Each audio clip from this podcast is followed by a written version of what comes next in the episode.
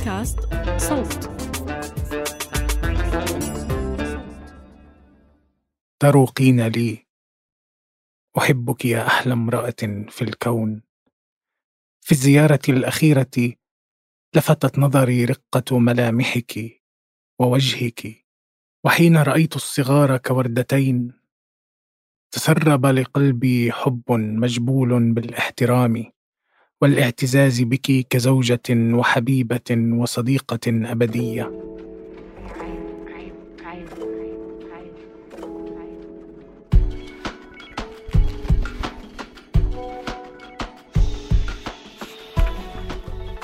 عبر التاريخ اتغيرت طرق تواصلنا كتير بس الأكيد إن الرسائل كيف ما صار شكلها بتشبع حاجة البشر للتعبير والتلاقي مع الآخر.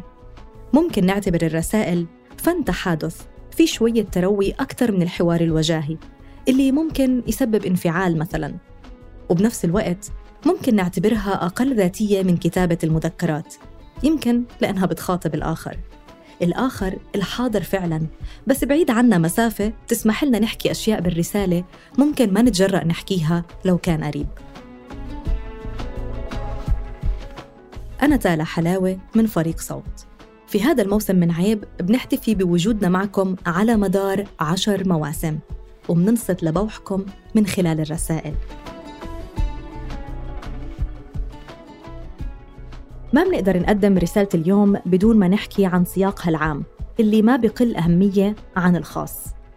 رسالة كتبها أسير فلسطيني في سجون الاحتلال الإسرائيلي لزوجته عام 1997 سجون الاحتلال اللي بتفصل الأسير تماماً عن العالم الخارجي وبتحاصره. هاي الرسالة تهربت من السجن بكبسولة. هذا مصطلح معروف كتير بين الفلسطينيين. الكبسولة عبارة عن ورقة رقيقة مكتوب عليها رسالة بخط رفيع وصغير كتير. الأسير بلفها بدقة عالية وبيحميها بنايلون خفيف لتصير صغيرة كتير ويسهل تهريبها خارج السجن. مرات كان يبلعها أسير متوقع الإفراج عنه أو بتم تمريرها عبر الشبك الفاصل بين الأسير وعيلته أثناء الزيارة. وهاي كانت واحدة من طرق التواصل بين الأسرى والخارج. شكرا لشريف موسى على قراءة الرسالة نيابة عن كاتبها ربحي قطامش.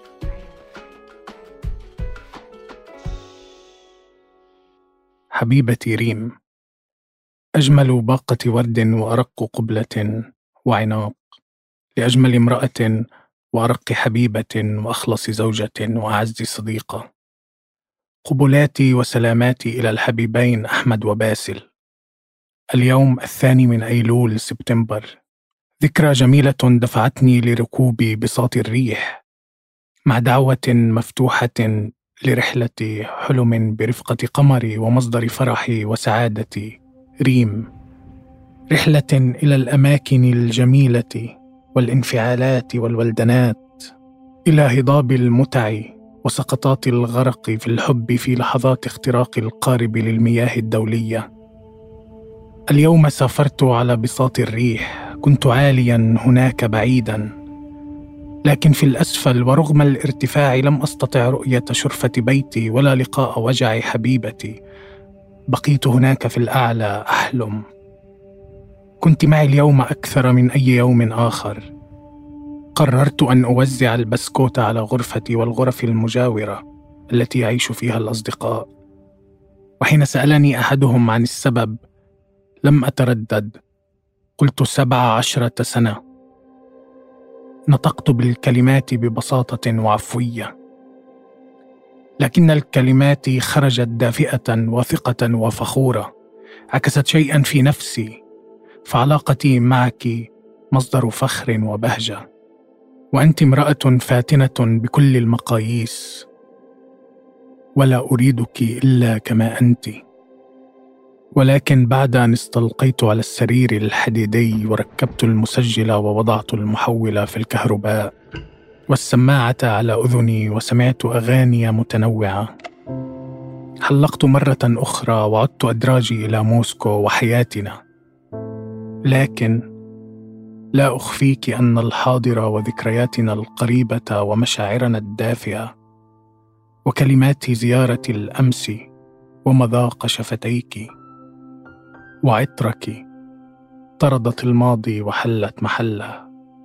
وحين نظرت وتمعنت في الصور سألت نفسي هي ريم جميلة وفاتنة لهذا الحد؟ استمتعت بصورك كما الزيارة.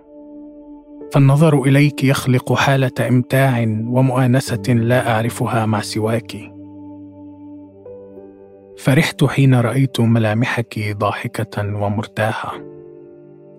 وابتسامتك فيها نعومة أنثوية وتلقائية. ورقة لا تندفع سوى من قلب عاشق. سعيد لأن الرحلة رائعة. هذا أمر يخفف أحزاني التي تنز كجرح متقرح. كلما فكرت أنني سبب آلام وأحزان لأحب الناس لقلبي. صدقيني يا حبيبتي إن قلبي لم يؤلمني حين ركبه الشيطان وأخذ يجلده بالصوت. كما الحزن العميق الحزن الأخرس الذي أصابني حين رأيت دموعك مرة في سجن عسقلان. حينها ركب الشيطان عقلي وشعرت أن روحي تغادرني وقلبي توقف ودموعي تجمدت. شعرت حينها بالقسوة حين لا تستطيع أن تهب لنجدة من تحب أن تخفف عنه.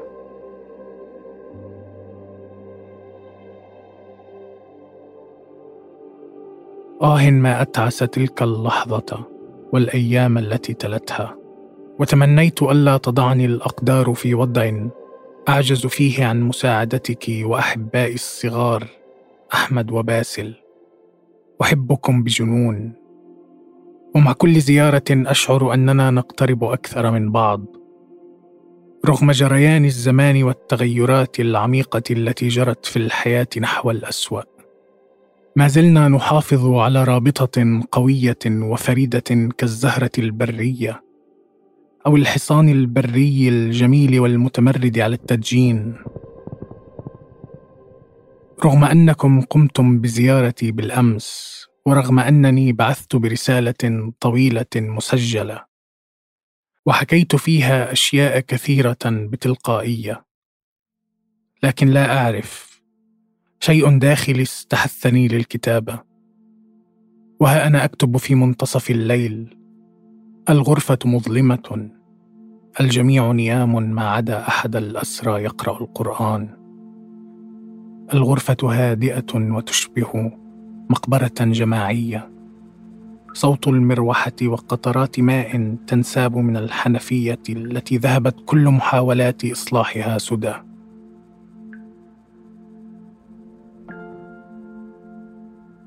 كل مرة كتبت لك بموعد وبمناسبة. هذه المرة المناسبة هي صورتك في البلوز الأخضر والتنورة القصيرة على حافة البحر. حفزتني للكتابة. بحق.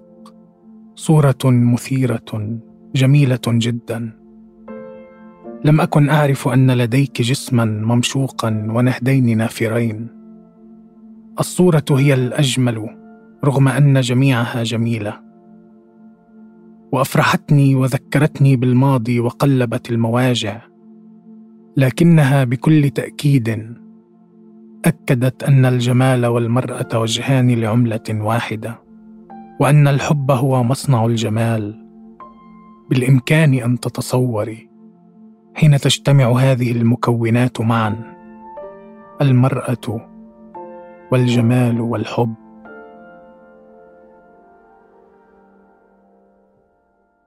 انصرفت سنوات كما لو كانت اشهرا.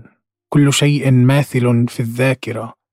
حي مزهر دافئ حيوي. سنوات متتالية من الحب والاحترام العميق والثقة. وحبال العلاقة تتقوى وتتجدل يوما بعد يوم. والعلاقة تتعمق كشجرة تتفرع عنها الأغصان والجذوع والأوراق. وتطرح أجمل ثمرة. أطفالا صغار. عنوان حبنا ورمزه. كغرسة تتجدد بهم الحياة وتتطور. نعطيهم أجمل ما فينا. ونوفر لهم الفرصة ليعيشوا. زمانهم وحياتهم.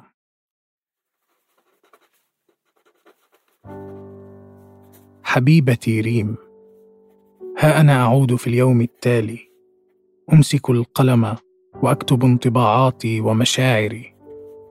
الساعة تجاوزت منتصف الليل. الكل نيام ما عدا أحد الأسرى يقرأ ويشرب شيئا ما. الغرفة تبحر في سكون. كسفينة قديمة محطمة الهيكل تبحر نحو القاع. لا شيء يشير إلى الحياة. كل ملامح الموت متوفرة. وحدة موحشة وحزن ثقيل ورائحة عفنه وأوجاع منتشرة كفطر سام في كل مكان. آه يا حبيبتي.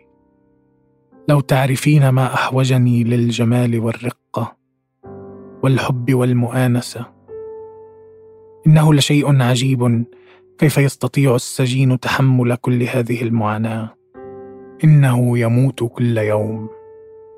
يخرج من القبر ويبعث حيا بفضل الأمل القادم. وإذا مات الأمل يموت كل شيء من الناحية الفعلية ويبقى هيكلا يتحرك بدون حواس وعواطف وحرارة. إنه هيكل متحرك لشبح إنساني متحرك ولكنه ميت بدون روح. نعود مرة أخرى لصورك. أعترف أنها فاتنة ومست شغاف قلبي. تروقين لي. أحبك يا أحلى امرأة في الكون. في الزيارة الأخيرة لفتت نظري رقة ملامحك ووجهك وشعرت بشحنة حب إضافية نحوك.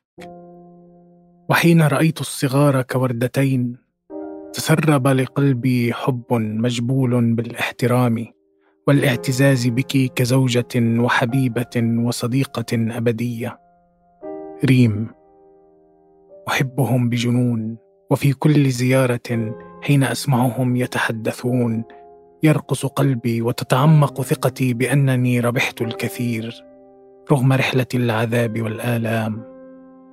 هؤلاء الشبان لهم قلب رقيق أحدث نفسي فرحا لأن أبناءنا ورثوا رقة القلب والمحبة والعاطفة والإحساس المرهف. تصوري حين تعانقت مع أحمد. حاولت أن أحمله. قال لي لا بابا لا تتعب نفسك فأنا ثقيل. وعانقني بحرارة وطبع قبلا كثيرة على وجهي. خاف علي وتجنب أن يجرحني في مرضي. وباسل في الزيارة الأخيرة طلبت منه أن يجلس على فخدي تمنع وقال لي لا بابا بلاش تتعب تصوري رقة أبنائك. إنهم مثلك. مرهفو العاطفة والإحساس. يعجبني أن أبنائي هكذا. شكرا لك يا أجمل وأرق امرأة عرفتها.